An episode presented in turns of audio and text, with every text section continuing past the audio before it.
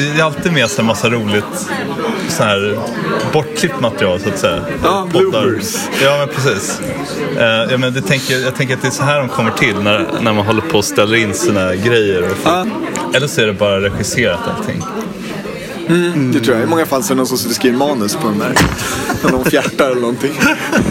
Så är det någon som sitter och gör foley på det.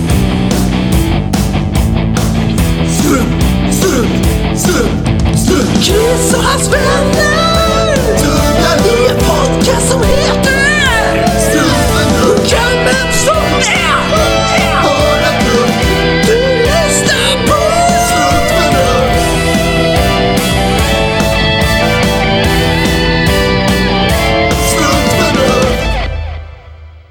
Välkomna till eh, Strunt eh, Förnuft, avsnitt eh, fyra. Tack. Jag sitter här med Marcus, Jajamän. Arvid Hejsan svejsan. och så är det jag då, Kristoffer. Och folk har ju frågat, de är ju på mig alltså, när kommer nästa avsnitt? Vad är det som tar sån tid? Återigen är det manusskrivandet som Ja, ja. men- sätter gränsen. Jag vet, jag vet inte hur mycket man ska älta det egentligen, men eh, vår gemensamma arbetsplats, eh, allihopa, har ju så att säga stängt, stängt ner. Så nu, likt John McAfee, är vi återigen förvisade. Det var på flykt. Vi, vi, Likheterna är många. ja. Så nu, nu, nu sitter vi här på ett eh, café. Ja, vi har inte bytt stadsdel. Det är väl Nej, kan säga. Ja, just i det. Gamla stan. Så, precis. I, I övrigt på hemlig ort så att säga.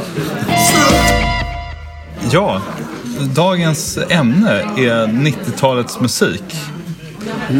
Och eh, som vi snackade om innan, alltså för att ge lite bakgrund liksom, vilken relation vi har till 90-talet så kanske vi kan börja med att berätta eh, när vi födda, slash ungefär hur gamla vi var på 90-talet. Eh, så, ja, jag vet inte. Nå- någon som vill börja? Jag kan börja.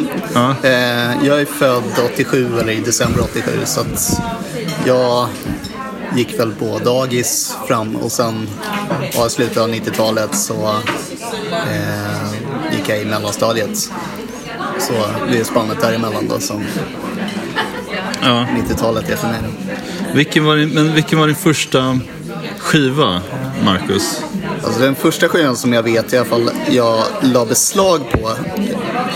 Det var inte att jag köpte den själv utan var väl snarare det att mamma köpte den. Eller hon skulle, jag tror att hon köpte den i present till en kollega eller någonting. Det visade sig att hon eh, fick en dubblett eller någonting så att vi behöll den. Och det var den här eh, Glenmark Eriksson Strömstedt skivan, deras första med När vi Ja. gräver guld i USA. Eh, Och den spelade jag i nästan. ja, fanns det några fler låtar på den? Absolut, absolut. Han var jävel på kärlek och... Ja, just det. Ja, nej, precis, Jag såg okej. faktiskt dem i somras. Ja. Eh, Det var väldigt nostalgisam. Ja, nej, men de, de är ju inga one-hit wonders. Eh, Vi, vi, kan inte, nej, vi kan inte skriva av dem sådär. Ehm, var det några mer skivor som du kommer ihåg som figurerade? Det är ju såna här skämsskivor som man lyssnade på också. Typ Dr Bombay som dök upp i slutet av 90-talet. Eh, Alltså, ja. Sen, Doktor... men sen, sen var det ju mycket så här samlingsskivor som typ Absolute Music och eh, Hits for Kids tror jag hade någon version av också. Alltså Dr Bombay skulle inte riktigt flyga idag känns det som. Nej, fast var det inte, gjorde inte han någon slags comeback i somras? Jag tyckte jag... Han är ju, vad jag har hört, jag har inte brytt mig om att kolla upp det här, men så är det samma person som Günther. Ah, är det sant? Det, jag vet Om att det var tänker på samma är inte som... helt konstigt, fa- Han liksom. gjorde ju Det är någon annan sån här doktor... Musik. Det var inte doktor... McDo. McDo, just det. Va, är de samma? Nej, alltså så här. Okej. ja, Hans brorsa kanske, möjligen. Alltså, jag kommer när jag var, när jag var, jag vet inte, någon gång i tonåren i alla fall så var jag på en hockeymatch. Eh, och då som pausunderhållning så var det då alltså både Dr Bombay som sjöng en duett med Dr McDo. Men det betyder ju att det inte är samma person. Nej, nej, men det är väl lite så här på samma sätt som vet, Daft Punk med sina masker. Så här. Vet man verkligen ja, att det är de som står där på scen? Precis, en annan, från en kreddig EDM-grupp till en annan. Så att säga. Du och hon. Doktor, Elektronisk dansmusik har ju så Ja. många liksom, flavors. ja, vanligt då inom eh, en slags persona. Då, en, eh, Tror ni att det kanske är Daft Punk och Dr. Matteo och Dr. Bombay är samma personer? Det är det som döljer sig bakom där två De kanske har en sån här psykisk åkomma så det är så här, en gång i halvåret så bara flippar de ur och då är det dags att göra en sån Dr. Bombay-låt och sen är det tillbaka till liksom spela in analog utrustning på en stora modulsyntar. Och Precis, pengarna. Om man inte lyckas få några hittar på sitt... Eh, Ja, det är det som liksom torrt med hittarna på. Ja, då så får man dra igång någon, eller får man dra ihop någon Dr. Bombay-låt. Exakt. Men annars det liksom som jag minns av 90-talet är väl mycket det som spelades, som jag upplevde som spelades på radion. Och det är ju, kanske vi kommer tillbaka till Ja, senare under avsnittet. Men Ja, väldigt mycket så här poprock. Eh, senare typ Cherion-soundet med liksom, ja, hela Max Martin, Dennis Pop, ja. boybands och Britney Spears och hela den grejen. Brittan alltså. Mot slutet där lite mer elektroniskt, typ Scooter och sånt. just det. Jag, jag skulle för övrigt vilja säga, jag har suttit och tänkt på skoter. alltså, Vakna upp kallsvettig. alltså så här, jag, jag vet inte. Jag tror ändå att i historieskrivningen så kommer man nog att eh, eh, vara överens om att Move Your Ass alltså, är genialisk. Alltså i sin... Vad ska man säga? Så här, det, det känns som att det, den är så här dadaistisk på något sätt nästan. Eh, oj, men Naivistisk. Nej, Alltså, jag, jag, vet inte. Det, eh, den, den förtjänar en plats i musikhistorien, absolut.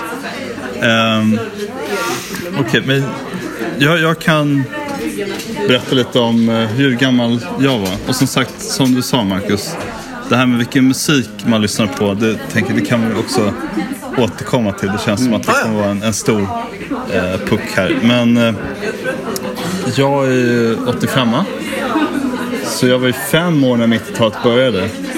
Eh, min första skiva som jag fick på min namnsdag, kommer jag ihåg, var Chumbawambas Tub Thumper. Okej. Ja. Ehm, ja, Den har ju ni som var med på allihopa karaoken för ett år sedan fått höra mig framföra. just det. Ja.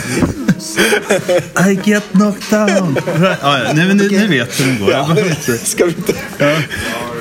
Värsta airwormen man kan få typ. Ja, men alltså så här. Eh, jag skulle säga att förvånansvärt alltså bra skiva. Eh, alltså Chumbawamba, det var inte så tydligt i Tub Thumping men de gjorde ju någon slags alltså, eh, socialist-house. Det, det där med politiken är en grej som jag bara råkade läsa någon sorts intervju eller något nyligen, liksom långt senare och förstod att det, liksom, eh, det fanns någonting där. Det är ju lite texten till Thumb Thumping i någon sorts arbetarklassgrej så det är inte så att det inte skulle kunna passa in i det sammanhanget men det är inte en politisk låt känns det inte som. Det, är inte så många som har varit inne på, eh, liksom efter en blöt natt på krogen, vaknar upp och känner sig, jag vet inte vad det är, men jag känner för att rösta vänster. eh, Arvid då? Ja, jag är född 1979 så jag är äldst i det här gänget. Men det är kul, vi har en sorts skala här känner jag lite. Att det är liksom det är intervall Ja. liksom. Um, vilket betyder att jag var 11 år när 90-talet började och ehm, som jag räknar rätt nu 21 när det slutade. Eh, så jag var liksom, jag hade hela den här tonårsperioden liksom. Kanske den när man Ja, i alla fall. Man bryr sig, det, man liksom, jag var inte för liten för att vara lite så här, ja, musik är något som man lyssnar på ibland på radio. Liksom, utan, eh, det låter inte som att ni var det heller. Men liksom, ändå, jag var verkligen i den där kategorin där man, liksom är, man inte missar det som händer musikaliskt liksom, under, under årtiondet, liksom, den åldern. Och eh, min första, alltså första skiva är en sån där svår, dels för att det kan vara skämmigt sådär. Men för mig så var ju det, jag lånade föräldrarnas Beatles-skivor, typ White Album, minns att jag lyssnade en del på.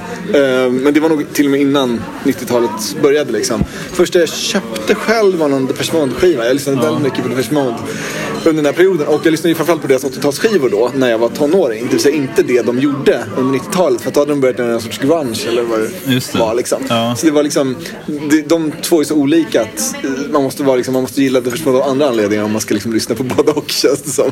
Eh, det, finns, det finns gemensamma nämnare. Eh, och det första skiva som jag minns att jag liksom lyssnade, sträcklyssnade på sådär, det var någon sån här ABBA Greatest Hits liksom. När jag var kanske 10-11. Och det är, ABBA är verkligen något som har format min musiksmak och liksom mitt eget musikskapande också. Eh, så det är väl några referenspunkter där. Jag har tagit med mig lite skivor här som jag tänkte kanske nämna om det kommer upp när vi pratar andra saker. Som, alltså mina liksom favoriter från eh, min skivsamling som är från typisk 90-talsmusik. Liksom. Ehm, så ja, det är, väl, det är väl det man kan säga egentligen. Ja. Mig. Har inte du någon sån skämmig skiva Arvid? Eh, Alltså på ett sätt är det så, jag har ju, det här var ju innan, hela 90-talet och den tidsperioden. Det var innan jag hade kommit till den där, man kom till den punkten där man började lyssna på sån här musik bara för att det är roligt. Ja. Och sen kommer man på att man faktiskt gillar det. Liksom. Så att det var, alltså, allt som jag lyssnade på, på under 90-talet var seriöst. Det var saker som jag liksom kunde stå för så att säga. Eh, visst är jag skämmig? Jag vet inte fan, alltså på ett sätt. Jag försöker verkligen komma på någonting här. Och det, men jag, jag lyssnar på sån musik som jag tycker är bara komisk liksom. Sån novelty-låtar som handlar om Rubiks kub eller något där, som, som inte är något bra liksom. Men det är så här, men det är också, du lyssnar på en grej mer än tio gånger så spelar det egentligen inte roll om det var dåligt. Då börjar du typ tycka, alltså frivilligt liksom. Ja. Du börjar tycka om det i alla fall liksom. Den där effekten. Men så här, något som jag liksom äger som är, alltså jag har ju sådana som jag köpt bara på grund av att omslagen är roliga liksom. Men sån här musik som är så här, något som jag tyckte är bra en gång i tiden och nu tycker är, eh, ja, sådär skämmigt. Det, jag tror inte, jag försöker komma på det mest fåniga som... Men jag vet, jag tror inte det. Jag har på något sätt varit väldigt sådär delibererad i mitt musiklyssnande hela mitt liv nästan. Faktiskt liksom. Alltså, inte när barnviseåren Ja, liksom, men, men allt efter det liksom. Det är svårt. Man bara, nej mamma. Ja, så här. Sätt på lite Dylan så när du istället. Det här är... Eh, jag, ska, jag, jag, vill inte få det låta som att jag försöker mörka något här. Jag ska, om jag kommer på Ja, det där skämmiga exemplet så, så ska jag eh, säga till. Jag kan väl också erkänna att jag har ju en skoterskiva som jag lyssnat på lite fler gånger än vad jag kanske själv vill medge. Eh, och som säger mina unga, unga och förvirrade år. Jag tänker inte dra tillbaks mitt påstående att Move Your Ass är vad ska man säga, en genialisk eh, låt. det kan jag stå för. Men jag har, på den här frågan så tror jag nästan att jag undrar om inte den här Spock-skivan här som jag tar fram, som heter Alien Worlds då. Som, det är alltså syntpop som handlar om Star Trek och rymden. Ja, men det är Eh, ju superkredit Arvid. Den, Ja, nej, men du nej, förstår, den- du förstår liksom, var, var, vilket space jag befinner mig i. Det här är, det är liksom, de sjunger på så här sven, alltså svenskar som har läst ett ord i en ordbok och aldrig hört det på riktigt. Det är den där typen av grejer. Men det är liksom inte värre än så. Alltså, kommer jag på något värre så säger ja. jag till. Men det där, det är liksom någonstans på den där nivån som det kommer att bli liksom. Ja. Ehm, visst är det så? nej, men det, vad ska man säga? Eh, vi, vi går vidare helt enkelt. Ja, absolut.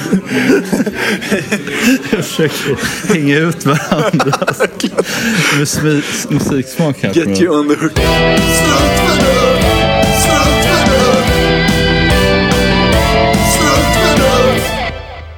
Det jag liksom har mycket minnen av, eh, som jag tror jag nämnde, eh, är mycket den här poprocken som spelades Ja. någonstans i mitten. Och det, det är liksom ganska mycket med kvinnliga sångare också. Ja. Här typ eh, Loveful med Cardigans, eh, Kiss Me, jag tror de de heter Sixpence None the Richer. Ja, just det. Ja. Fina låtar. Liksom väldigt, väldigt fina. Jag, Ja. alltså jag lyssnar på dem idag. Det är liksom, jag associerar verkligen 90-tal när jag Mm. hör dem. Ja, och nej, och gud. Lisa Ekdahl. Lisa också. Ekdahl, absolut. Ja, Det är med visans revival där Ja. också som kom ett tag. det också. Uh, Sixpence None the Rich, var de från... Var de amerikaner eller var de från Danmark eller något sånt? Kommer faktiskt inte ihåg. Ja. Eh, det, alltså, det känns som att det är ganska mycket one hit wonder med den Ja. låten också. Det känns ju lite som att så här 90-talet, alltså jag tänkte på att nu, eh, att du nämnde Cardigans, 90-talet känns lite som att det satte Sverige på musikkartan. Ja, absolut. sätt. Men det, det är ju framförallt med det här Cherion-soundet som kom med Dennis Pop och Mm. Ja. Max Martin. Och det är ju Absolut. verkligen, de låtarna är ju verkligen, verkligen 90-tal. Liksom, som Mm. med alla pojkband och Britney Spears och Ja, Om man inte tänker på ABBA. Aqua kommer jag ihåg. ja, just det. Ja. hur, hur minns du Aqua då? Ja, det var ju liksom så här, lite guilty pleasure då, tror jag. Eh, ja, men jag kommer ihåg Barbie Girl liksom. Var bra då. Men det du var kanske- nästan lite skämmigt liksom, fast jag inte riktigt insåg det själv tror jag. Men hur, hur gammal var du då när den kom ut? Ja, vad kan jag ha varit? Ungefär. Runt 10-11 någonting. Ja, men för det kan, jag- det kan jag lite så här. eh, Det känns ju som att en del av den här liksom Ja, den här euron där, versen, refrängen, typen av musik liksom. Eh, alltså man kan ett jättebra exempel på, eller typ Dr Bombay, samma grej. Liksom. Eh, att det är så här, eh, Markoolio tror jag det som musik också på den tiden. Eh, Ja. att det riktar sig till barn liksom. Ja. Och att det var så här, på något sätt rätt liksom. Det är lite mer, det blir konstiga blir när typ vuxna lyssnar på det, eller spelas på dansgolv. För då blir det någon sån här, jag vet inte. Då, då är det någon som, och det har inte så mycket med kreddighet att göra som lite att det är. Jag har ju exempel på det. Jag tycker att dålig euro är det sämsta med 90-talet och det finns jättebra exempel på motsatsen. Det finns låtar som är riktigt bra. Jag kommer, liksom, jag kommer ihåg någon sån här eurolåt som de hade på något kassettband som de spelade i gympasalen Just i mellanstadiet. Med, jag tror att gruppen heter Two Brothers on Fourth Floor någonting. Och låten heter, kan heta typ sån här Black and White eller någonting i den stilen. Eh, Det låter väldigt trovärdigt. Ja. Jag känner igen det. Så. ja, den är speciell. Du har hittat på det så är du duktig. Jag tänker inte sjunga den här. Eh, kanske någon, någon lyssnare som kan, eh, Ja. om ni vet, Two Brothers. Så vet ni. Eh, r- ring eller mejla. Växlarna står öppna. Precis. Ring vår telefonsvarare. Men om man ska vara liksom bland det första så musikminnena man har. Det är liksom, jag hade ett gammalt kassettband liksom med barnlåtar som jag lyssnade på väldigt mycket i. Det var så Alice Tegnér-låtar. Som insjungna av Adolf Fredriks musikklasser kanske. Eh, som jag lyssnade sönder när jag var liten. Jag kallade det för flickornas sunga för jag ville inte att båda var flickor och pojkar. Goskar. Kanske inte riktigt 90-talsmusik men det är ändå liksom det- Ja, ett starkt ja. minne från den tiden. Klassiker. Eh, Men Marcus, jag vill bara fråga, det är en ny sak som jag tänkte ställa en fråga till dig Kristoffersen. Lyssnar du på någon, kan du nämna någon musik som du lyssnar på från 90-talsmusik idag som du inte hörde när du var, som, eller och inte liksom, Absolut. Att, inte i samma, ja vad ska man säga, liksom, något, Alltså, mycket av 90-talsmusiken har jag ju upptäckt i efterhand. Mm. Eh, Det är ju såhär, ja men typ Nirvana. Var ju liksom, Ja, ingenting- jag var ju okej. lite för ung där, Ja, just det. 94 liksom. Ja. Hur gammal var jag då liksom? jag förstår jag. man var lite låg- för obrydd låg- då. Ja, precis. Gick i lågstadiet. Det var inte så att jag lyssnade på Smells Like Teen Spirit. Ja, men det är ju liksom någonting som jag lyssnade kanske på eh, en del, ja, säg, mitten av 2000-talet. Eh, lyssnade, liksom upptäckte jag mycket av Nirvana. Hela den här blev ju någon slags punk revival också. Alltså svensk liksom, eh, typ trallpunk. ja, som ja. Skatepunk, ja. Ja, både skatepunken men också svenska trallpunken. Liksom. Så att, visst, Offspring lyssnar jag en hel del. Det kommer jag också ihåg att jag köpte den skivan, vad heter den, Americana. Den kom väl Just 98 det. tror jag. Jag köpte den något år efter tror jag. Ja, det var ju Eh, en sommarplåga. Av Guds nåde. Precis, och de lyssnar jag ju fortfarande på faktiskt emellanåt. Tycker det är en riktigt bra skiva. Eh, men det var ju ingenting jag upptäckte i efterhand utan det var ju faktiskt någonting jag lyssnade på då. Ja. Som jag kom på nu. Eh, men eh, jag har ju lyssnat en del på sådana här typ, ja, både ja, men typ svensk trallpunk, tänk Dia Salma, eh, Karaktär 77, Coca Carol och sånt hade jag en period där jag lyssnade på. Och det var ju liksom senare. Antilop. Just det, Eh, mm. Jag tror att man kanske lyssnade lite på det då, men jag tror att det kanske kom några år sen, något år in på 00-talet som jag började lyssna mer på dem. Eh, och då var ju låtarna kanske tre år gamla. Men Ja, just det. så, så det är efterhand men ändå ganska nära i tiden. Det känns lite som att vi, du och jag Mark, vi växte också upp i någon slags period. Precis som du hade en period där du hoggade dina föräldrars skivor så hade jag ju också det. Jag kommer att jag började lyssna på min pappas Pink Floyd-skivor. Ah, okej, ja. Ehm, där var det också så här bara ren, ren tur att det blev just... Ja, jag tänker en sak är att de har ju väldigt sådär spaciga omslag som Ja. jag kan tänka mig lockar en liten Ja, 5, 8, 10-åring. Just det. Om jag får flika in där lite så kommer jag ihåg, det här kan vara tidigt 00-tal. Men jag vet att jag la beslag på pappas gamla rullbandspelare. Oj, Eh, okej, som ja. han hade liksom gjort gamla radioinspelningar av Beatles-låtar. Liksom, Ja, ja, ja okej. som jag spelade lite på ibland. Och så, ganska roligt. Väldigt udda. Men ja. Jag hade faktiskt också en rullbandspelarperiod när jag var typ sex år eller någonting. Det var ju morfars grej. Och då, alltså, ni kanske... Det måste ju varit för er också, för när jag, ända upp när jag gick i gymnasiet så hade ju skolan rullbandspelare Just. i klassrummen. Liksom. Ehm, så det var, jag kommer minnas att jag gjorde någon sorts grej, gjorde någon sorts presentation och spelade in så här i förväg, speaker på. Det är ju kul meckande. Um, Okej, ja. Ja, Just det, ja. Men som sagt, lite... Men efter det, det känns som att så här, vad ska man säga, min musikaliska identitet började formas, vad man ska kalla det, eh, någon slags så här själv, eh, musikalisk självmedvetenhet.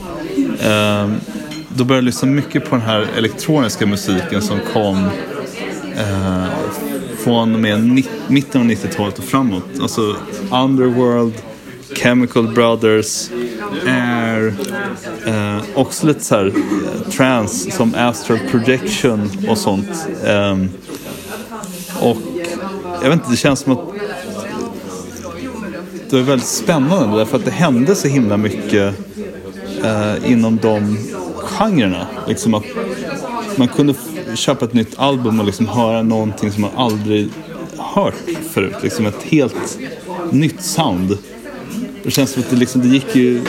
Det var väl en, en exempel på sådana här genrer som liksom växte fram i takt med teknikutvecklingen. Liksom. Ja, men det är intressant. Vad, är, när, vad, är, vad är snackar det här för tidsperiod ungefär? Mer exakt, vilka årtal?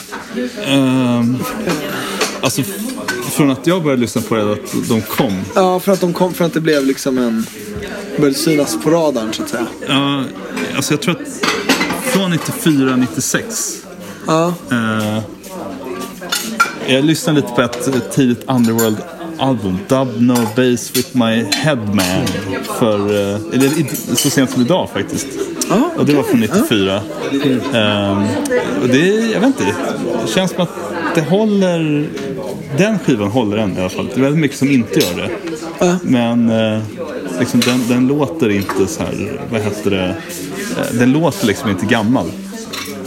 Nej, men alltså, det är intressant. För anledningen till att jag frågar är att ehm, det finns, om man tittar på om man tar 80-talet som en annan sån här kulturepok så är det så att man kan säga att det typ börjar så här 78 eller någonting så kommer det allra första syntpoppen och liksom elektronisk disco som är så här, låter inte precis som det lät fem år senare men det är ändå så här, där börjar det på något sätt och det, där vid den punkten så är det inte riktigt 70-tal längre liksom. Nej. Och på samma sätt så, eh, så kände jag att mot slutet av 90-talet så började det, precis lite som du säger, det började komma en massa nya ljud. Och som, som jag vet inte varför, men det, kan vi prata om varför det sådär hände. Men då känns det som att då börjar man liksom komma in i en, det börjar hända något nytt sådär. Ja. Så, så att jag har lite såhär, när man talar om 90-talsmusik, då har jag tänkt på liksom britpop och typ Rage Against the Machine liksom och sådär. Men inte riktigt det här som sen fortsatte in på det tidiga 00-talet.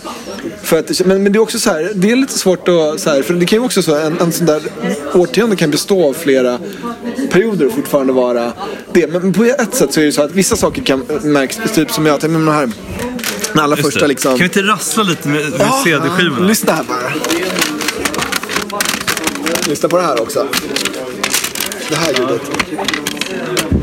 För er som inte ser just nu vad vi gör så håller alltså Arvid på att öppna en eh, CD-skiva. Denna älskade taftologi. Jag skulle Ja, ha med lite ja. kassettband också med. Det där med taftologin var en grej som jag, när vi pratade om det på svensklektionerna i gymnasiet så försökte jag få min svensklärare att förstå som exempel att en CD-skiva var det, var det för att det är compact disc liksom. Det är. Compact disc-skiva. Ja. Men på något sätt så ville han, förmodligen för att han inte visste vad en CD-skiva var, så ville han inte ta in det som en liksom Det är inte ett godkänt exempel. Nej, eller det var liksom inte viktigt på något sätt. Nej. Ehm, Strunt, strunt, strunt, strunt. Arvid då? Vad, vad lyssnar du på? Ja, just ja. Um, nej, men som jag nämnde så var det ju en stor del av 90-talet så var jag ju uh, Depeche Mode-fan. Liksom. Och det är nog den enda perioden i mitt... Ja, typ. Jag har ju haft någon Giorgio Moroder-period när jag skaffade mustasch. Långt innan eller efter det var trendigt liksom. Bara för att, till den nivån. Liksom, om det nu säger någonting. Men det är den enda gången som jag har varit sådär, liksom, fan av ett band liksom, i mitt liv på det här sättet. Liksom. Eh, så. så det var så här, och det är också kanske några av de skämmigaste grejerna att jag lyssnade verkligen på allt som Depeche Mode hade gjort. Fram till 1990 typ. Och en del av det är så här singelbaksidor och sånt som är ganska så här, inte musik utan jätte, alltså liksom. De har gjort väldigt bra saker men de, de har inte alltid varit på topp liksom. Så där finns det en del grejer som jag säger, idag aldrig, alltså skulle jag sätta på det idag så skulle jag inte kunna stå för att jag tycker att det här är, bra Nej, liksom. nej. Utan jag har blivit mer selektiv i mitt Nej. lyssnande. Så där har vi en sån där. Smaken kan ju ändras. så att Ja, precis. Eh, och, och en grej var väl, jag, vet, jag tror att det, helt- det, var, det var någonting att jag antingen upptäckte dem precis när jag höll på att bli tonåring. Liksom, att det också var lite att det fanns en sån här identitet, den här syntargrejen och svarta kläder och kängor och sånt där. Så, att, så att det var liksom en sån tilltalande grej. Och sen också att jag, hela grejen med att liksom mecka med musikproduktion är en sån grej som så fort jag upptäckte att man kunde göra det så tyckte jag att det var väldigt intressant. Liksom. Så de där sakerna Det här gjorde borde man göra. Precis. Men sen då, det var väl lite sådär också att jag kanske, jag var inte superintresserad av det som hände musikaliskt under första delen av 90-talet. Utan det var det här, Kristoffer, ungefär du beskriver det här, när det började liksom, Air var en sån grej. Air och Daft Punks första album var sådana där som verkligen var så här ögonöppnare. Och den andra var ju den här, Just det. The Prodigy, Firestarter. Firestarter. Som är så, det är kombinationen av den här superbrittiska liksom. att Det är som att de liksom har tagit, vad ska man kalla det för, liksom big beat hiphop och gjort det till en egen grej. Som är jättekonstig och liksom både ganska så här, ja, nästan lite komisk och eh, hård på samma gång. Ja. Liksom. Eh, och- Over the top, Ja, verkligen. Och det, det är ju en sorts självsäkerhet också att man inte försöker vara eh, Liksom, ja, det, det, Prodigy har gjort andra sådana här låtar där de på något sätt på samma gång bara är så här clownknäppa och samtidigt liksom hårda och ganska trendiga i, i hur produktionen låter. Liksom. Och det är den här kombinationen. Men det här var väl det, det var väl när jag började fatta vad Prodigy gick ut på i samband med att den släpptes. Um, Spock har vi nämnt lite kort. Några av de här har jag köpt betydligt senare än när de här skivorna, än när de liksom var nya så att säga. Men det här, eh, Björk Post. Björk, just det. Det är ju sån här, det är ett album som känns som att det håller idag Framförallt för att det är, som det här du beskriver, det är den här lite så här godispåseproduktionen liksom som man kunde få höra mot slutet av 90-talet där någon bara har liksom Oj, det här kan vi göra. Testat en massa nya grejer och det, det finns ett visst liksom gemensamt, det är typ som ett konceptalbum också liksom. Att det är, alltså det är liksom ljudeffekter och slut och början på spår och sådär. Men, men eh, det är väldigt spretigt liksom. Det, det är samtidigt som att de flesta, det är inte, då, det är inte dåliga bra låtar blandade utan det är liksom det går verkligen åt olika håll liksom. Men, men sitter ihop också. Och Björk är också en sån här singularitet som liksom är, som inte låter som någon annan. Och här låter verkligen produktionen inte som någon annan heller liksom. Så det är, mm, det är en sån här grej som jag både jag lyssnade skitmycket på, på Björk. Upptäckte hennes tidigare saker efter det. Men den här kom väl ut 96 tror jag. Jag minns att jag köpte den nästan när den var ny. Så att, eh, så det, det är som en, den känns också som en sån, liksom, det är 90-talsmusik för mig liksom. Eh, lite när det är som bäst sådär. Ja. Ehm, och sen då när vi kommer, det här är ju, det här är väl en annan Jason Nevins Run DMC. Den remixen då, det var, jag tror att det var första gången på alltså 15-20 år som man fick se breakdance på TV. Ja. Den här videon. Och det var 90, 98 It's tror jag like faktiskt that. And that's the way That's it the way it is.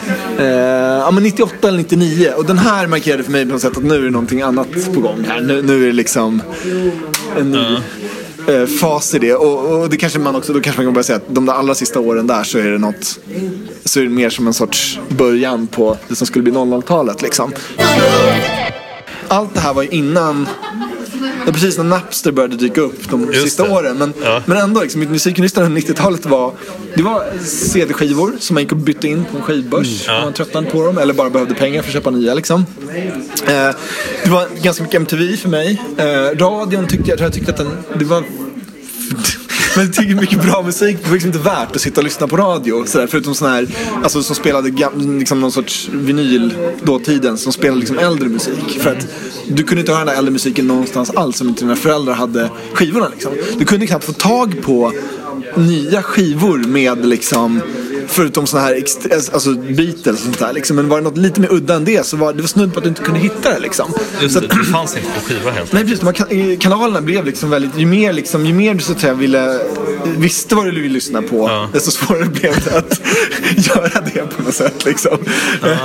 Det är väldigt, väldigt, jag tänker att det är väldigt annorlunda idag, samtidigt som att listmusik verkar ju vara lika stort som det någonsin har varit. Så att det är det där som att Spotify på något sätt, den här långa svansen på Spotify är väldigt platt liksom, jämfört med det som spelas allra mest. Liksom. Men alltså, vilken grej det hade varit att ha Spotify när vi växte upp. För jag minns ibland hur man, jag kunde läsa om en artist och så gick det tre år innan jag lyckades få tag på det här albumet. Det är helt otroligt. Ja.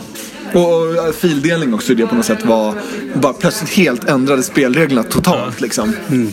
Kan, kan vi prata li- lite kort om, vad heter det, CD... Vad Ja! säga, med CD-skivor. Ja. Och liksom eh, den här helt bizarra metoden man hade för att få tag på ny musik. Jag berättar, hur, hur kunde det gå till? Ja, ja, alltså, vi är ungdomar. På min tid så. Nej, men så här, jag kommer ihåg att man gick, man gick eh, på rasterna till typ den lokala skivaffären. Och så lyssnade man, så hade de ofta uppställt någon slags så här, stativ eller pelare där man kunde välja mellan ett antal CD-skivor som man fick spela. Och så fanns det såna här avlyssningsstationer. Och då kunde det vara liksom. kanske fem eller tio stycken. Det var liksom. Ofta brukar det vara så att den här pelaren hade liksom olika sidor som representerar liksom olika genrer. Här är de fyra genrerna. Och varje genre har fyra skivor. Poprock, synt och hårdrock. Ja, men någon slags så här. Eh, och det var inte så att så här, eh, man... Jag, vet inte om man kunde be och få lyssna på skivor. Det var Ja, det var, man kunde gå till, I Stockholm skulle man ju gå till Skivakademin.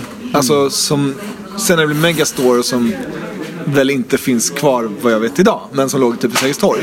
Och där kunde man gå och plocka vad som helst som de sålde. Och så gå till liksom en station i mitten av Ja. butiken och stå i en lång kö. Och sen så öppnar de det här stöldskyddet. Och så fick man lyssna på skiv. Jag kommer inte ihåg exakt om man fick välja spår själv eller hur det var. Men lite sådär så länge man ville. Men ja, i alla fall. Ehm, och det var det närmaste man kom att liksom provlyssna något som du helt hade plockat på random. Som inte var det här att det råkade vara liksom månadens nya släpp som fanns i någon sån här station eller så. Utan liksom när det verkligen så här, den här skivan är jag intresserad av. Men jag vill inte betala vad det blir, en, en månads barnbidrag eller någonting för att bara köpa den och testa liksom, utan, utan jag vill eh, provlyssna. Liksom. Man kunde, så, inte, så man man kunde inte bara rulla tärningar liksom. Och det var svårt att så här, man, man kunde ju, det var väl därför musikkritiker också hade så stort inflytande. Ja, just det. För att, förutom att vara liksom så här stilbildare var ju de också någon slags så här informatörer. De hade Ja, tillgång till information som man själv inte hade. De hade hört skivor man själv inte kunde få tag på så att säga. För för att förklara för, liksom dagens människor så är det väl så här, filmrecensioner har väl så här, fortfarande en viss sån betydelse. Att du bara inte har tid att se en och sen fortfarande när filmen går på bio så dröjer det två år innan de Ja. hamnar på Netflix liksom. Men så här, att det finns en funktion med att bara läsa så här, är den här film bra eller dålig passar mig liksom. Men exakt samma grej var man liksom tvungen att göra med skivor för att det var så svårt Ja. att liksom bara lyssna sig fram. Det var inte, nästan inte grejer man kunde syssla med helt enkelt. Och man hade inte liksom internet heller som demokratiserande medium på något sätt. Nej, utan det var snarare typ så här MTV, ZTV. Ja, just det. Ja, just det. Just det. Och det var, det, min favorit med det där var, det var ju de här programmen som, på MTV som heter Greatest Hits som spelade liksom gammal musik. Det vill säga Ja. liksom, istället för bara det som är hett den här månaden så ja, tillbaka till 70-tal i alla fall, liksom, så länge det fanns musikvideor. Och ZTV hade en del sådana där program som kom och gick. Som, det var någon knäppis som satt och körde lite allt möjligt liksom, ur något så här videoarkiv som de hade som de hade lust med. Och då kunde det vara lite vad som helst som kom upp. Liksom. Eh, jag kommer inte ihåg någon namn på det där. Eh, eh, men, men det var, ja, och så öppna kanalen vet jag inte om det var video också. Men den där typen av, det var liksom närmast det kom att hitta någon skum blogg eller någonting. Liksom. Det var, det var ett, något tv-program som gick mitt i natten. Liksom. Typ. Alltså, ja. Jag kommer ihåg att eh, dels att kolla på MTV sent på natten. Det var ett sätt man kunde få liksom, kontakt med så här, ny musik så att säga. Eh, också så kommer jag ihåg att det fanns ett program som hette P3 Dans.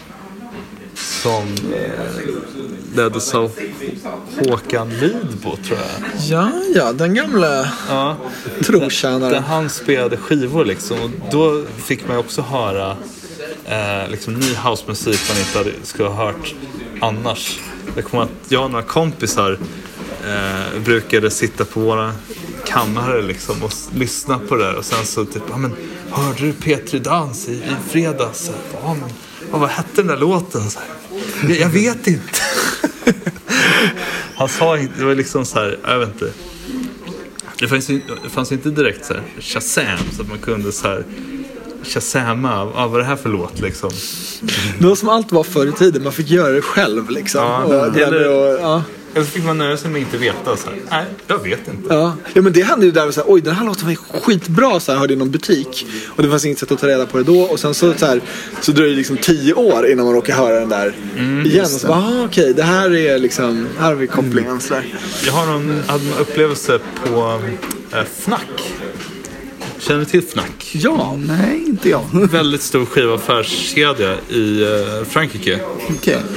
Där, det, för det, det här hade jag också som en punkt nedskriven. En sak jag brukar göra när man var på semester med föräldrarna.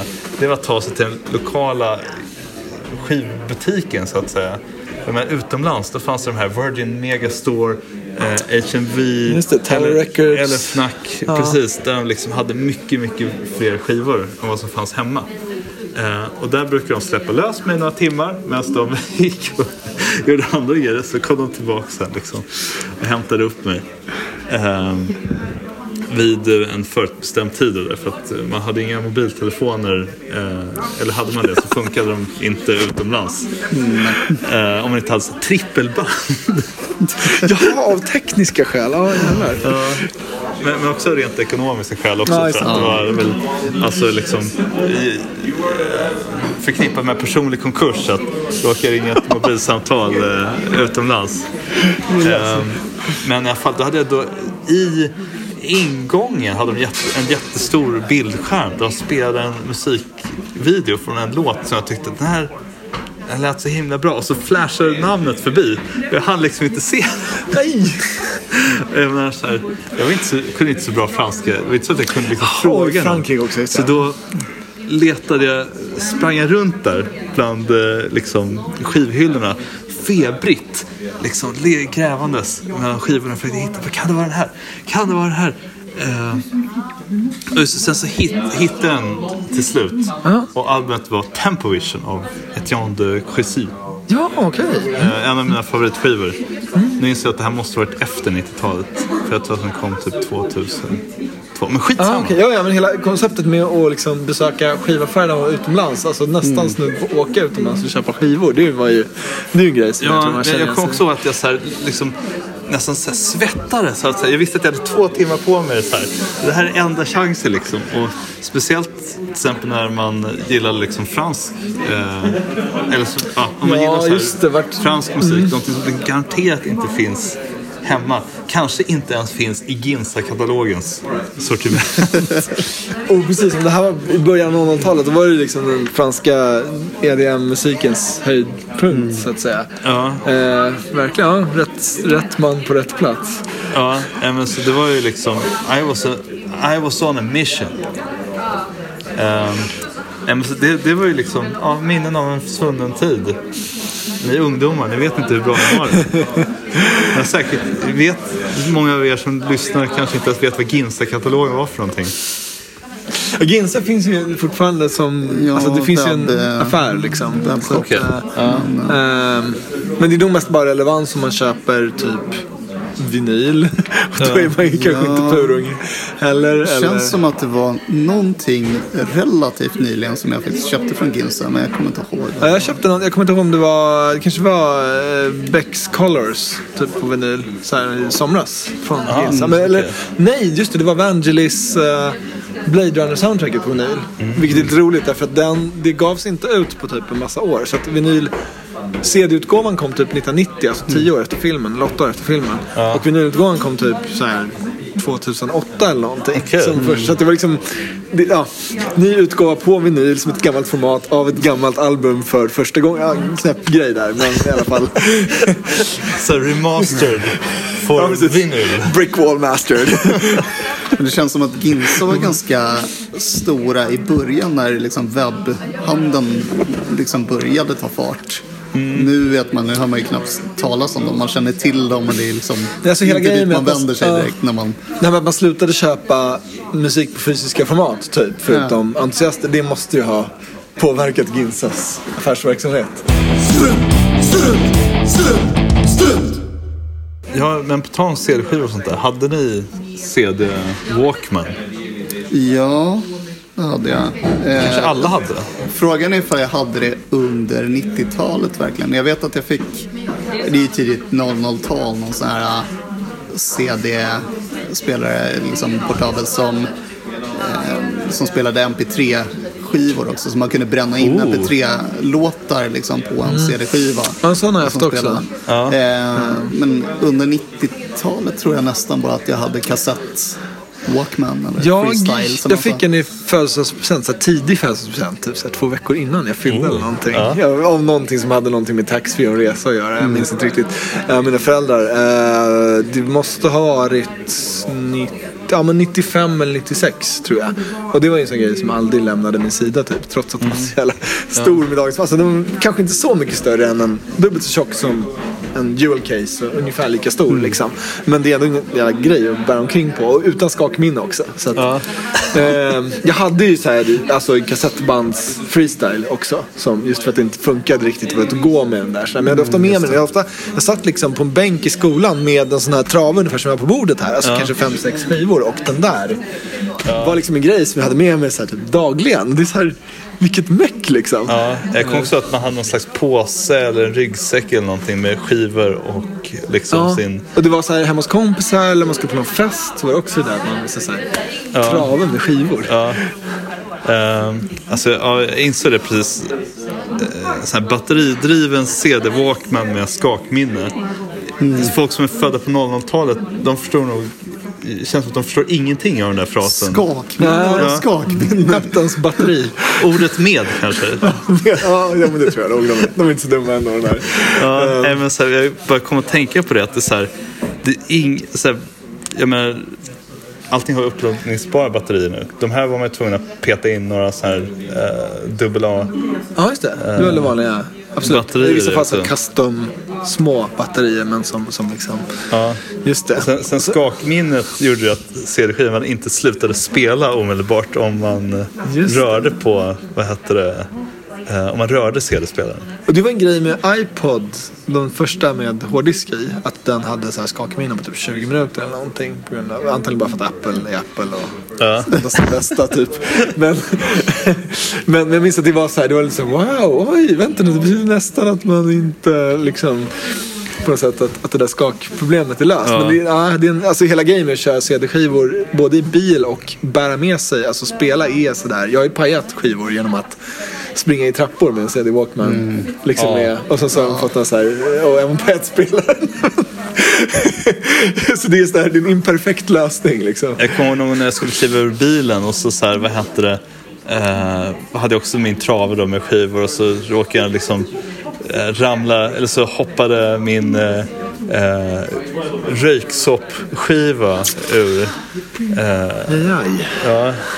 Och så liksom landar den så här mitt på gatan i massa smuts och man bara Åh nej, går den att spela fortfarande? Men den, nej, men den höll. Den Ja, klarade sig. Ja, ja. Men det var, ett, det var ett bräckligt format de där CD-skivorna. Ja, och de var, speciellt när man började liksom springa runt med dem. För att de var ju tänkta som någon sorts ersättning till vinylskivor i den här miljön där du har så här en prydlig vitrinskåp med skivor liksom. Och så tar du ut och dammar av dem försiktigt med radiellt så här. Ehm, och, ehm, förlåt, axiellt. Ja. Eh, och allt det där liksom, som vi inte tänkte som att du liksom springer omkring med dem i bakfickan liksom, på en portabel spelare som eh, skakar Nej, runt sådär.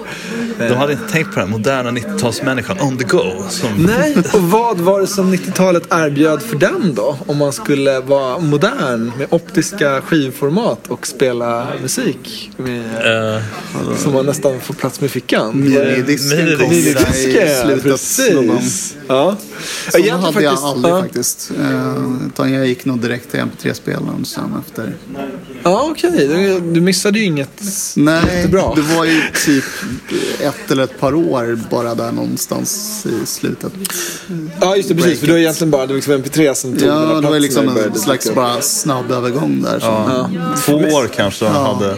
Sen, Det, det, var, liksom. det finns, jag har ju skrivit upp en lista här med digitala format som var tänkta att liksom förbättra CDn. Alltså fysiska format. Så jag kan bara dra det snabbt. Det är alltså DAT som ju kom 87 så det är egentligen Just det. lite äldre då men ändå. DCC, Digital Compact Cassette. Men, men DAT var väl ändå, de hade väl ganska mycket användning fast i industrin? va? Ja, just det. Alltså, precis. Och, och liksom i vissa Studiemiljöer. alltså, journalister, den där typen av Ja. grejer. Liksom. Men inte som så här, det här du har som du går springer omkring med Walkman liksom, och spelar av skivor. Det är, Mm. eh, dels på grund av att det blir en copyright-kontrovers där. För att DAT är ett digitalt format som du i teorin kan kopiera. kopiera utan generationsförluster. Precis. Ja. Och minidisken är ju också det, men hade en inbyggd grej. Du hade aldrig någon minidisk med digital utgång, som du kunde, eller ingång, jag kommer inte ihåg vilket det var, men någon av dem. Liksom, så att du kunde all, skulle kopiera med minidiskar så blev det alltid generationsförluster. Och det var bara så här engineered att det skulle vara så. Just det. Du hade kunnat göra perfekta kopior, men eh, Ja. det gillade inte Sony som båda hade funnit formatet och drev ett stort skivbolag. Ja. Eh, Jag tror att det var digi, di, så här digital in som de valde bort. Ja, liksom, du har för att Så måste det vara. Precis. Det hade varit ja. lite för enkelt att bara koppla ihop två stycken och bara banda av så att säga. Precis.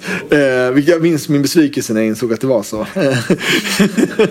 jag hade aldrig själv, jag lånade min farsas minidisk i någon period precis där som tiden och Marcus nämnde. Men jag, jag ägde aldrig en själv. SACD, HD-CD, XR-CD, Q-Sound Compact Disc, CD Plus Multimedia. um, så jag har missat någonting här. Nej, det var typ det, några så här väldigt obskyra digitala kassettformat också som, som jag tror aldrig var tänkta för så här konsumentanvändning. Men det, som, det fanns viss ambition då att liksom förbättra CDn men Ja. ehm, det, så blev det inte. Eller liksom det, Men det var, det var mest ljudkvaliteten då man ville. det är lite blandade grejer, men absolut. Flera av de här har ju mer än 16 bitars eh, bitdjup då framförallt. Liksom. Ehm, vilket ju typ är bevisat att det inte behövs. För att liksom, om du bara masterar dem korrekt så, kan du liksom, så vinner du ingenting på det. Nej. vid produktion det är en annan sak, men, men som liksom konsumentformat. Ehm, och sen så var det såna grejer att du kunde så här, typ se någon liten digital bild medan du spelar skiva. Eller sådana där, såna där lite så här ihoptejpade multimedialösningar. Några av de här. Ehm, Men lite högre frekvensomfång eh, kanske. Jag, tr- jag kommer inte ihåg, jag tror inte att de har det. För det är så självklart att mänskliga örat inte kan. Eller liksom det är så, det är typ bevisat. Det här med bitdjupet, det handlar ju om ehm, i brusgolv liksom. Så att det, det är en lite mer sådär beroende på det är inte lika lätt att säga att det här, den här upplösningen behövs inte. Men när det gäller över eh, ja, cirka ehm, 20 eh, kilohertz så är det liksom det är bara mäta liksom. Ja. Det är ingen som hör de där frekvenserna. Så det, det har inte hindrat folk från att försöka ändå. men, men det är liksom, då snackar vi marknadsföring, inte... Precis, det har inte hindrat, folk från att, det har inte hindrat någon från att uppleva en skillnad. Jag kan tipsa om eh, obsoletemedia.org som är ett museum på internet för typ alla, eller väldigt, väldigt heltäckande för så här format av olika slag som har funnits under en kort period eller inte slagit liksom. Och där finns det ju andra, de nämner lite andra 90-talsgrejer som vi inte ens behöver nämna här med sådana här romkassetter med 60 sekunder refräng från en låt som du köper och ger till dina barn. Typ. Sådana grejer. Och, sån här, och massa så här film, film, alltså både film i betydelsen foto och i betydelsen eh, spelfilm. Liksom. Sådana format. Så det, det, där, gillar man sånt så finns det en oändlig brunn att ta, ösa Ja, vatten ur. precis, den, den kommer inte sina. Eh, men det känns bara som att här, hade Minidisk bara kommit några år tidigare. Alltså för det första, vilken game changer det hade varit. Eh, när Minidisk kom så känns det som att MP3-spelare och sånt, och sånt var, låg på horisonten och man kunde bränna sina egna CD-skivor och sånt det. där sen en tid tillbaka. Eh, Just det, och allt det som gjorde CD-brännandet billigt, nämligen att det också var ett dataformat. Och till exempel att du inte behövde köpa de här ljudlicensierade skivorna som hade någon sorts stimpengar inbakat i sig för att bränna musik-CD. På grund av olika liksom, tekniska vägval så var det fullt möjligt att spela en data-CD i en vanlig CD-spelare. Om man tänker sig att minidisk hade blivit någon sorts ny diskett, vilket den hade varit, hade den också liksom, hade den slagit igenom tidigare så hade den varit en jättebra ersättare för, kassa- eh, för disketter. För att de rymde, jag tror minidisk rymmer typ 300 megabyte. Ja. Vilket är så skattretande i dagens läge, men det är Alltså mycket det på är den tiden. 300 disketter ungefär. Som de, eller 250 liksom som, som de bästa disketterna som någonsin användes liksom i mass. Så det, och då hade antagligen priset på median gått ner jättemycket också om det hade suttit i varenda dator. Liksom. Så det är någon sorts alternativ verklighet där, där midisk absolut hade kunnat vara en... Det var ju ett smidigt format. Det löste ju allt som, alla problem med portabla CD-skivor löste ju midisk på, på, på ett snyggt sätt. Precis. Ja, men mitt, mitt liv hade varit mycket enklare. Jag hade aldrig behövt tappa min röyksoppskiva där nere i smutsen. Nej, Lite- bara förnedringen liksom. Ja. Eh, jag kommer att det var s- slask också. Snöslask. Ja, det är Och att de vidrigt, hade alltså. Sandat här på gatan liksom. Så det var ju, ja. Var det så på 90-talet också? Ja, det finns väldigt mycket slask, slask på 90-talet. Vintrarna var kallare då. Det, Exakt. ja, ni som är unga, Kommer du ihåg på gamla goda 90-talet? Alla varga vintrar som Ja. Oh, sweet summer child. När någon säger 90-talsmusik, då finns det en specifik scen som eh, jag direkt får framför ögonen och det är när Popsicle önskar livet ur Arvingarna på, vad är det, prisutdelningen för si och så, vad det nu var. Eh, inte viktigt, men, men det känns emblematiskt på något sätt för 90-talet.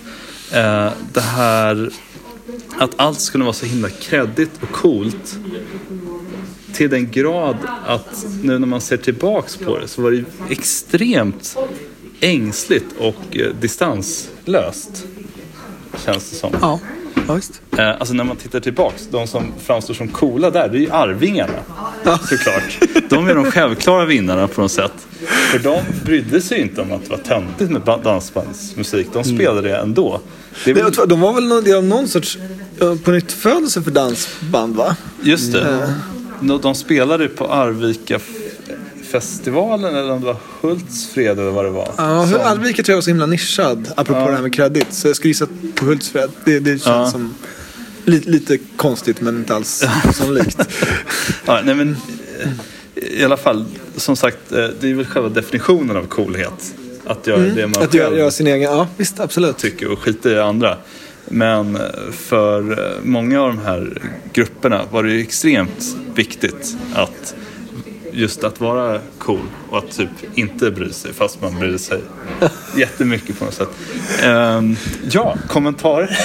Ja, men jag tänker på den här striden mellan Blur och Oasis. Att jag kan ju absolut se skillnad på dem och jag kanske tycker att det här är lite svårare med Blur. Jag gillar det. De, de är lite... eh, Alltså man kan hitta lite saker i texterna och, och liksom, även musikaliskt så är de lite mer all over the place än, än Oasis. Men i det stora hela så är det lite så här, vad fan, vad bråkar ni för liksom? Ja, just det. Det, är känns som att det var på väldigt liksom. stort allvar Ja. på något sätt. Eh, och, det, precis, och det känner jag kanske lite också med, med Popsicle som jag inte har någon djup relation till. Men att det, det känns lite som att den här attityden kanske har tagit lite plats för att faktiskt differentiera sig med musiken. Liksom. Att det, det är band som, som liksom gör ganska generisk poprock. Men då gör de en stor grej av att de är i fade med dansbanden. Vilket, Ja. så det är väl lite, ja, det är väl lite den, den känslan liksom då. Att det, blir, det blir lite omvända det här med att liksom du tar Daft Punk som, har, som inte visar sina ansikten eller någonting utan på något sätt. Det är ju också en sorts liksom, spel men ändå att man låter liksom, musiken ta mycket mer plats i, i hela liksom, artisteriet. Men eh, vad heter, det, det känns ju som precis som att eh, det fanns någon slags schism på 70-talet mellan eh, proggarna och ABBA. Ja, just det. Just det. Så känns det som att det fanns någon liknande sak här mellan de som gjorde sån här äkta musik inom citattecken och typ, eh, ja jag, jag vet inte. Eh, om de stod på ena sidan så stod liksom det här Eurotechno-gänget och eh, Cheiron Studios och de där, de stod liksom på andra sidan. Och så Ja, var det någon ja, slags så här, eh, battle däremellan. Ja visst, jo, men det var verkligen, precis, det var inte det här som man liksom har sett som, som känns konstigt för någon som är uppväxt på 90-talet att typ alla samarbetar med alla grejen som liksom har gällt de senaste tio åren och Ja. som, som jag tycker är fantastiskt för att det just gör att mm, alltså, musiken liksom får leva upp på något sätt. får liksom utvecklas åt det håll som den gör liksom, och, och att, istället för att det blir en massa sådana tonårsposerande. Ja. Liksom. Det, kän, ja, det känns som att det är också så starkt kopplat till liksom det ironiska 90-talet. Ja, precis. För ironi är en sån där grej som förutsätter att alla är på något sätt... För att ironi ska funka så måste det finnas ganska tydliga gränser som man kan överträda, så att säga. Eh, Så det är väl det. Liksom. Det, det fungerar inte att vara ironisk i ett sammanhang där alla gör precis vad de känner för. För då, det finns liksom ingen... Det finns inga tabu som du kan ironisera över, liksom. Utan det var nog en förutsättning för, för det. Ja, också det här, jag kommer liksom att folk eh, hade som svepskäl att man lyssnade på någonting ironiskt så att säga. När det kanske egentligen var någonting man tyckte om på riktigt men det var för pinsamt liksom. Att, Men jag, alltså, jag, jag tänker ju mycket på, eh, när jag tänker 90-tal, ganska fånig musik som var väldigt okreddig. Jag tänker typ såhär Markoolio och ja, ja. eh, ja, men Aqua, Men det var- Dr Bombay för all del. Liksom väldigt mycket sånt. Jag vet, alltså, det var ju säkert mycket ironi i det också, i det liksom, de artisterna gjorde. Eller, eller så att påstå att det är Eller liksom på- på ja, sätt, precis, eh, ja.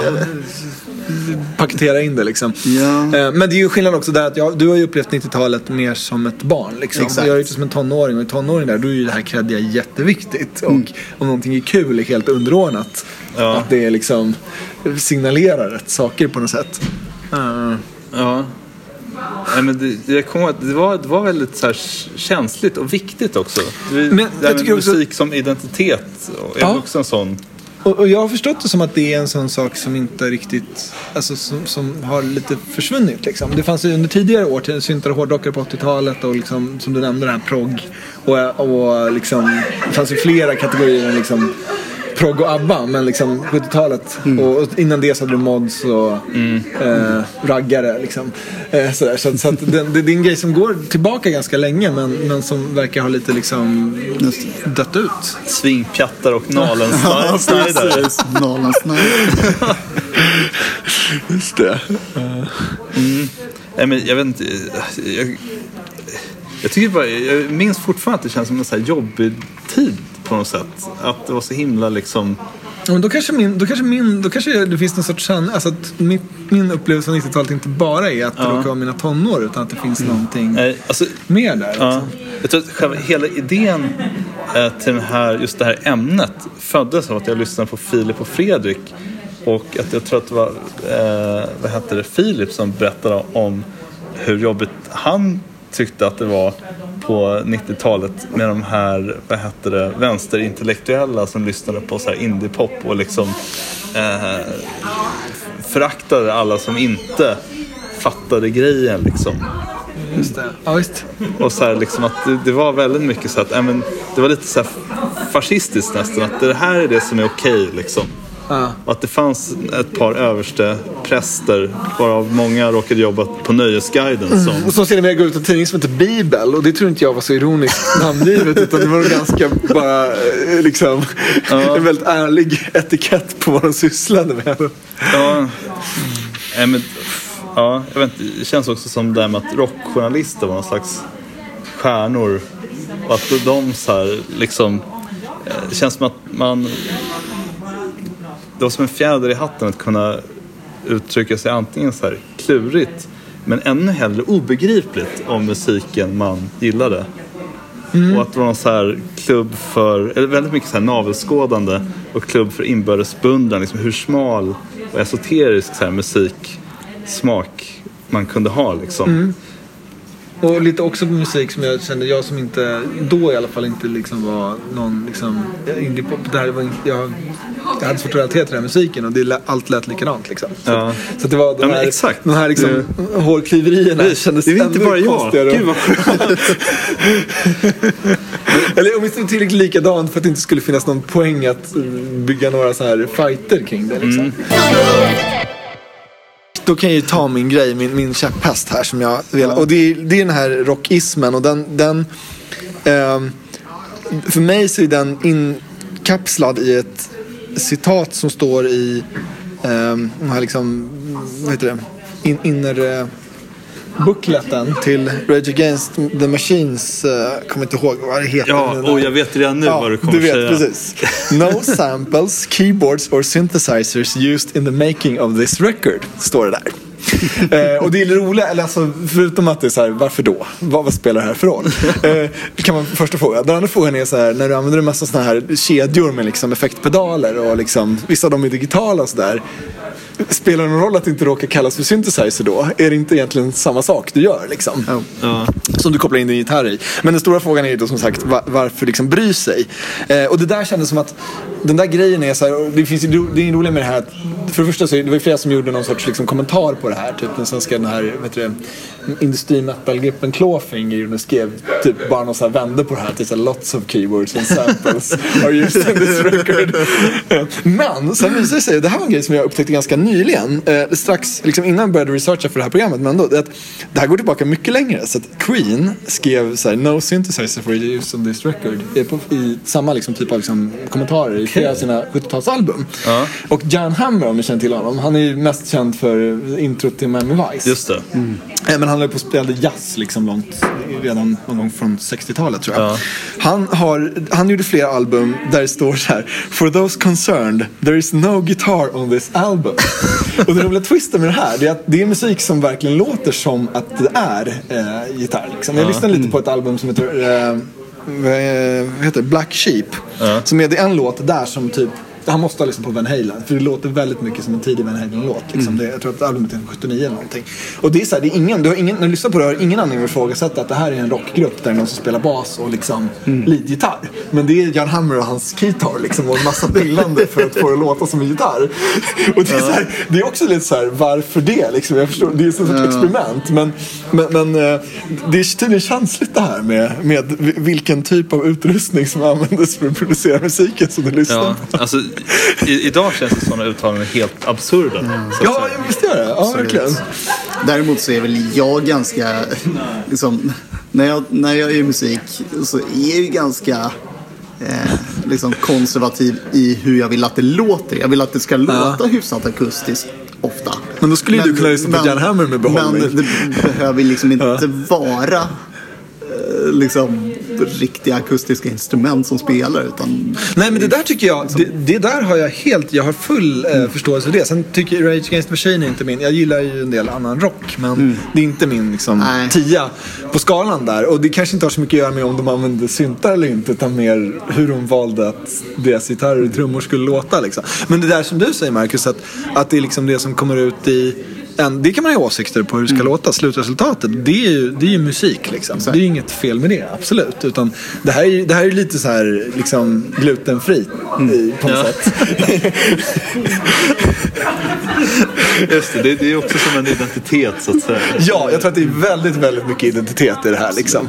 Eh, och det är också den här liksom, rockismen, är ju lite det här med idén att det liksom, du gör nästa musiken med dina bara händer fast det råkar sitta en gitarr där. Det är liksom någon sorts det, att det inte är det här fusket, att du har någon synt stående i en studio så trycker på någon knapp och så låter det skitbra och så spelar du in det och så tjänar du en massa pengar.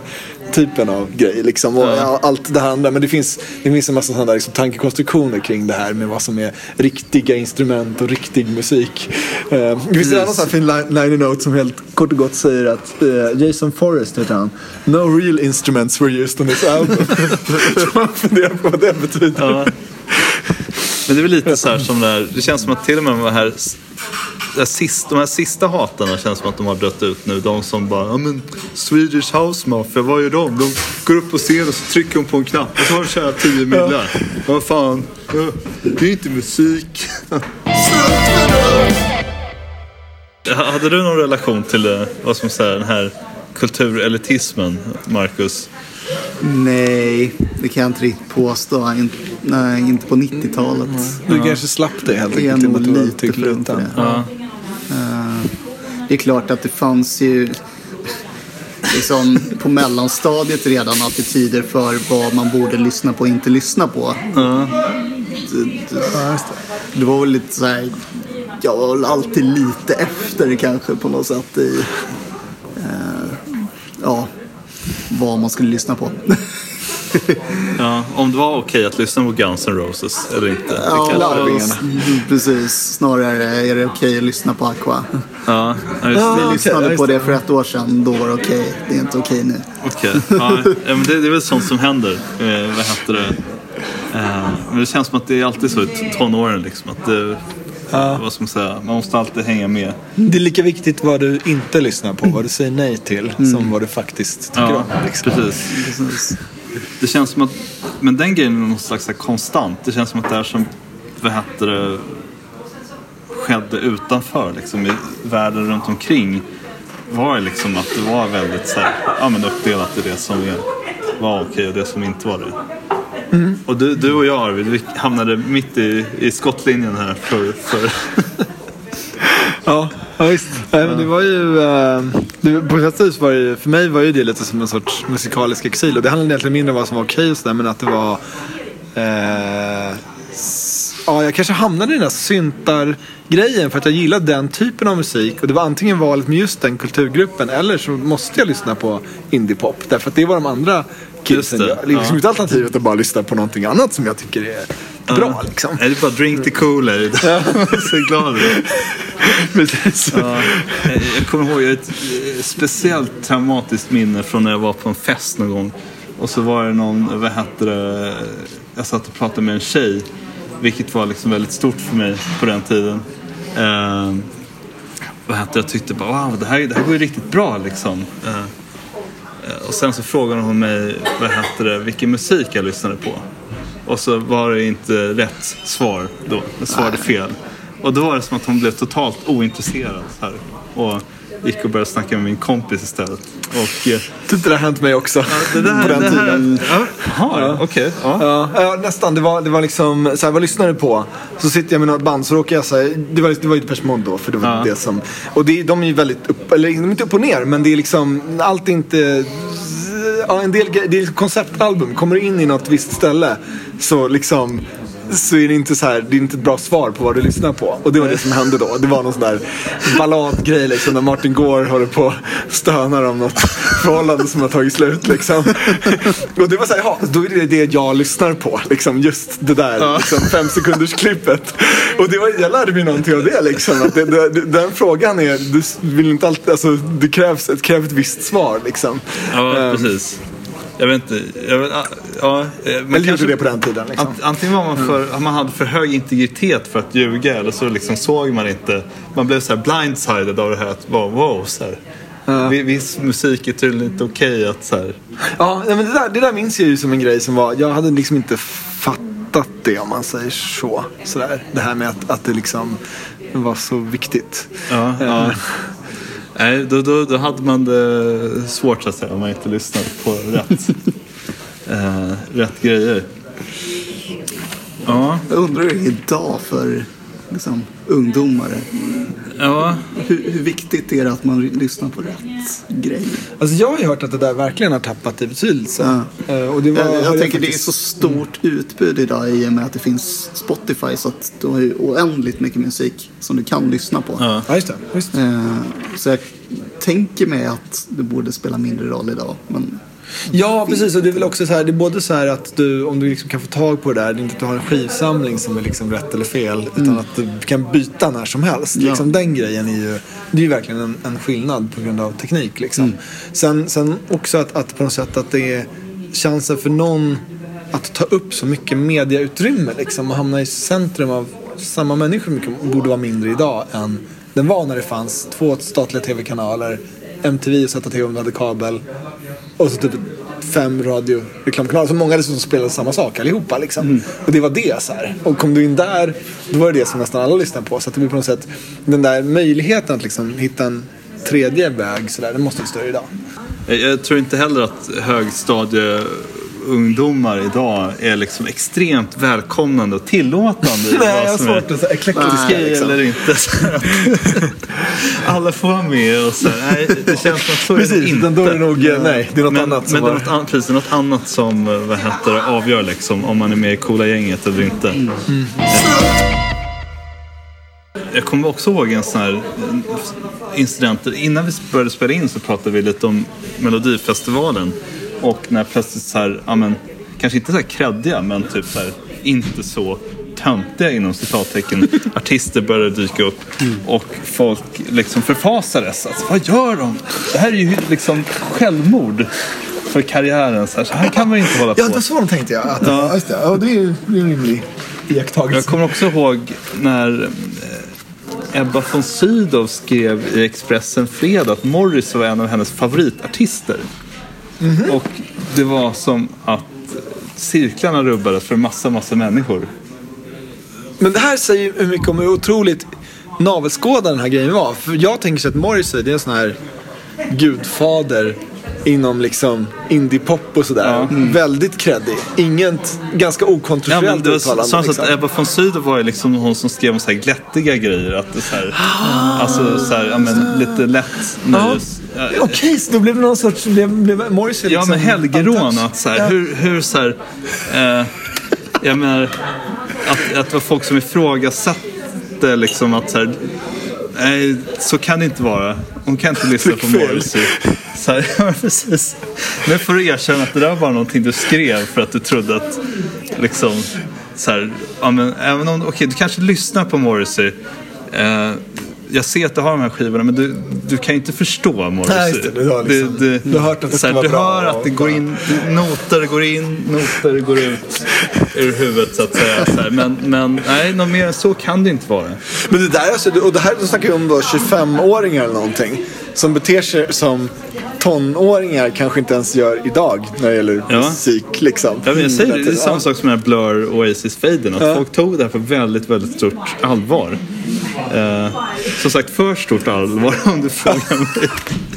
Ja men verkligen, men jag tänker så här, för någonstans är det lite grann att det här identitetsskapandet i all sin ära så är det ändå någonstans musik är till för att lyssna på och dansa Mm. till. Liksom. Det, det här med att jag gillar det för att du inte gillar det, det är på något sätt, borde inte vara mer än en sidogrej i bästa fall. Liksom. Det borde Ja. inte vara så här, det viktigaste. Ja, ja jag vet inte. Jag skulle vilja avsluta med bara någon så här, en, en spaning. När slutade 90-talet? Just det, Och det då skulle jag säga att tvärt emot vad man kanske skulle kunna tro så är min hypotes att det slutade 2001. Okej, ja visst. Ja. För 2001 kom både Daft Punks Discovery ja, sant. Mm, och just det. eh, vad heter det, The Strokes album Is This It? Mm. Eller kanske heter This Is It. Ja, skitsamma, Ja, men jag visste. Ja. vilket haveri. Ehm, Det är nästan mer roligt att du rättar dig själv Ja, än om du ja. hade sagt fel. Ja. Men eh, i alla fall, det känns som att det var liksom det här. För mig var This is it or is it? alltså kulmen på den här, dels den här väldigt pretentiösa musikjournalistgrejen. Därför att alltså, det känns som att The Strokes höjdes till skyarna liksom på ett helt orimligt sätt. Det, det minns jag. Ja, okej. Ja, ja, men kul. För liksom, så det var inte bara... Marcus, har du någon slags... Nej, just det där kommer jag inte riktigt... Ja, alltså okej. Oj. Och, ja, men det var väl ingen så här dålig skiva? Jag menar, eh, vad heter det? Last Night, det är en bra låt. Det kan jag tillstå. Men det känns liksom som att det var helt... Det kändes som att typ, jag vet inte, typ Andres Locco hade skrivit ett öppet brev till Vatikanen eller någonting. Att Julian Casablanca skulle helgonförklaras. Liksom, att The Strokes skulle kunna slå ihjäl någon, skjuta ihjäl någon på öppen gata och allt skulle vara förlåtet. Alltså, det var liksom helt orimligt och det känns som att man gjorde extra insatta så här topp 10-listor bara för att kunna lägga eh, This is it liksom på första platsen. Så här, att nu, ja, men det här, nu, nu har det hänt. Det här är liksom det största. Ehm, Ja, just det där kommer jag liksom inte ha ingen direkt relation till. Men däremot så kan jag på något sätt ändå hålla med om att 90-talet slutade 2001. Ja. Jag kan inte liksom sätta fingret på vad det är. Men det är liksom någon slags skiftning i musiken som sker där och också i själva soundet. Ja. Ja, ja, men precis. Att det var en liten eftersläpning in i typ 99-2000 och sen 2001 så liksom hände det någonting. Jag håller verkligen med på att Daft Punk's Discovery är liksom någon sorts vattendelare. För att, speciellt, inte minst för Daft Punk gjorde ett formativt album för 90-talsmusiken som deras första, Ja. Homework. Och de låter ju väldigt olika, de två liksom. Eh, och den, liksom, det är också lite den här, det, det, ja, men det, är massa saker, det är massa saker som är alldeles för kitschiga för att funka om de hade släppt dem fyra år eller fem år tidigare, liksom, när de släppte det Exakt. första albumet. Eh, som så, liksom sån här, eh, så här bläddrande gitarrsolon och grejer som, som var jättekul att höra då. Men som var liksom, som också inte heller passar in i den här creddighetsgrejen Nej. ett dugg. Det är tvärtom, det, där, det är som att det albumet är fullt av en massa guilty pleasures som de har stöpt ihop till till någonting som, som både funkar och som jag skulle säga håller liksom tidens tand Ja. väldigt bra på något sätt. Liksom. Ja, men som en klassiker liksom. Ja. Men, men som precis verkar markerade någon, någon eh, ny, liksom ny Precis, det var en ny tid så att säga. Ja. Man vänder blad, som kungen skulle ha sagt. Och det är lite roligt också att Daft Punk är en av de som är liksom i centrum av den här franska vågen innan. Och vad de gör lite där, ja, de, det finns ju någon låt där som är One More Time som är rätt mycket liksom Ja. French touch. Men överlag så bara hittar de på massa andra saker. De, liksom, de, de gör sig själva onödiga, den där grejen så att säga. De, det är någon som liksom är i centrum för någonting och bara, nu gör vi det här andra istället. Ja, Den- den hade typ av- jävligt French touch också med den här skivan på något sätt. Känns det som. Ja, den bara slog, slog Ja. för hårt. Ja. Och det känns också som att eftersom den blev populär, den slog så brett liksom, så känns det som att det ruckade lite på det här med att så här, ja, men du är den här sortens människa och det är den här sortens Just det. musik du ska lyssna Ja. på. Men, Det är en jävla bra det, poäng. det var liksom både så här kreddigt och eh, liksom brett. Ja, men det tror jag är en grej som, är, som blev en ny, som, som alltså, du kan säga om en del andra saker som kom under 00-talet men som typ inte fanns innan. Så att den skivan på något sätt är också, också återigen jämfört med deras första album som absolut var en sån där grej som, som var sån här, alltså som föräldrar klagade på barnen och bad dem dra ner för att det var så liksom sådär abrasive liksom musik. Så, eh, jag har varit med om det personligen för övrigt. Um, så, så det är lite som att de, precis, de, de, de samma band liksom gick från det här identitetsmarkerade, kreddiga till att göra musik som både är liksom kul, kreddig, eh, förstå sig påare och alla kan fatta det på samma gång på något Ja. sätt. Eh, Och det känns som att man kan liksom dra en rak linje från det till typ Swedish House Mafia som är nästan som en typ institution eh, trots, och är liksom ändå kreddiga på något sätt trots det. Alltså, ja, visst. Ja, ja. Swedish House Mafia är ju typ hela Sverige ravar. ja just det. Typ. Ja, ja. Eh, hur, hur rätt som helst men ändå liksom så här, eh, coolt. Liksom, eh, står, över, står över kritik på något sätt. ja, visst. Ehm, och det känns också som att äntligen så det var väl också där den här äng, stora ängsligheten släppte. Ja, men det tror jag. Precis. För att när man, gör, när man gör en skiva som är så full av en massa liksom skojs och tralligt och på samma gång så är det liksom techno i sina stunder. Då har man, ja, men det är lite som att man, du bjuder, plötsligt så bjuder du in en fest där alla får komma. Både hårdrockarna och ravarna. Och eh, de som gillar gammal disco och ehm, Ja, det, ju, det finns ju liksom ett ambient spår på den där Ja, skivan. Så, här. så att det, och sen, jag tror att de, har, han har väl, de hade ett par så här gästsångare också. Det är också en sån här grej som är, det tror jag inte Daft Punk kanske var allra först med. Men det var ju en sån, hela den här grejen med att en artist från en annan genre kommer in och sjunger ett par spår på ens skiva. Det är ju en sån sak som vi sen har blivit en helt så normal grej. Men som hade varit helt otänkbart på 90-talet. Det var liksom så, du satt själv i din studio och gjorde din musik och det, på något sätt så var det jätteviktigt Ja. liksom. Och så ska man bara plötsligt Vattentäta skott emellan. Liksom. Annars kan liksom integriteten rubbas på något sätt. Och så, så plötsligt blir det jätteintressant att bara mixa ihop allt och se vad man får. Liksom. Ehm, nej, så det, det tycker jag var, det, det var ett väldigt bra argument där. För jag hade ju kunnat sagt där annars att det var då någonstans Firestarter cirka. 97 någonstans. Men, men jag tror att det, har, det är nog nästan bättre... För det är egentligen kanske inte exakt hur musiken låter utan lite den här på något sätt approachen till att göra musik. Som det är en viktigare liksom brytpunkt om man säger Ja. så. Ja, ja, men det, det kanske får eh, vara vår avslutning helt enkelt. Eh, Ja, du har lyssnat på Strunt eh, förnuft. Som, och idag pratar vi om 90-talsmusik. Eh, Förhoppningsvis så kommer utgivningstakten att öka eh, lite grann. Enligt Overcast förut så kom det avsnitt varannan tisdag. Ja. Visste ni det? Ja, det är om Det datorn vår, säger det var vår eh, utgivningstakt. Eh, Ni kanske får vänja er lite vid den eh, ljudfond vi har haft idag. Ja, ja det ska, alltså, Det här fixar vi i post, inga problem. När du ändå håller på, vi kan inte göra så att det låter som att vi är i rymden. Oj, det vore coolt. Och jag kan ha sån här smurfröst. Ja. Och Mackan kan ha så här whisky. Eller så låter det som ett café. Ja, just det. Ja. Ja, jag ska se om jag kan fixa det. Det är Just svårt det. att Ja. få till det bra. Nu när vi sitter i det här isolerade ljudbåset så att få till den här, liksom den här rumsklangen. Ja, en bra rumseko och lite sån här liksom stim och stoj. Det är bland Ja, de svåraste lite grejerna. glas som klirrar och lite små röster. Säger. Ja, Kan. Ja, inte men kan du, det? Det ja, ja, precis. Jag, jag sticker till Vietnam så där får ni fixa. Eh, men det ska bli spännande att höra hur ni löser den här café, caféstämningen. Det, det, det, är nu folk, det är nu man brukar säga följ oss på Instagram och sådär men det, det har vi ju inget. Nej. Ska vi ha ett Instagram kanske? Ja, eller så Tumblr eller något knäppt. Typ. vi, får, eh, vi kan väl komma... Vi kan, MySpace. för det här avsnittet så borde vi i alla fall kunna referera till Det, MySpace. det, det, det kan vi, det, vi får nog diskutera det tills nästa gång. Det var allt för den här gången. Ja, tack för oss. Tack för att ni lyssnade. Hej då! Hej då!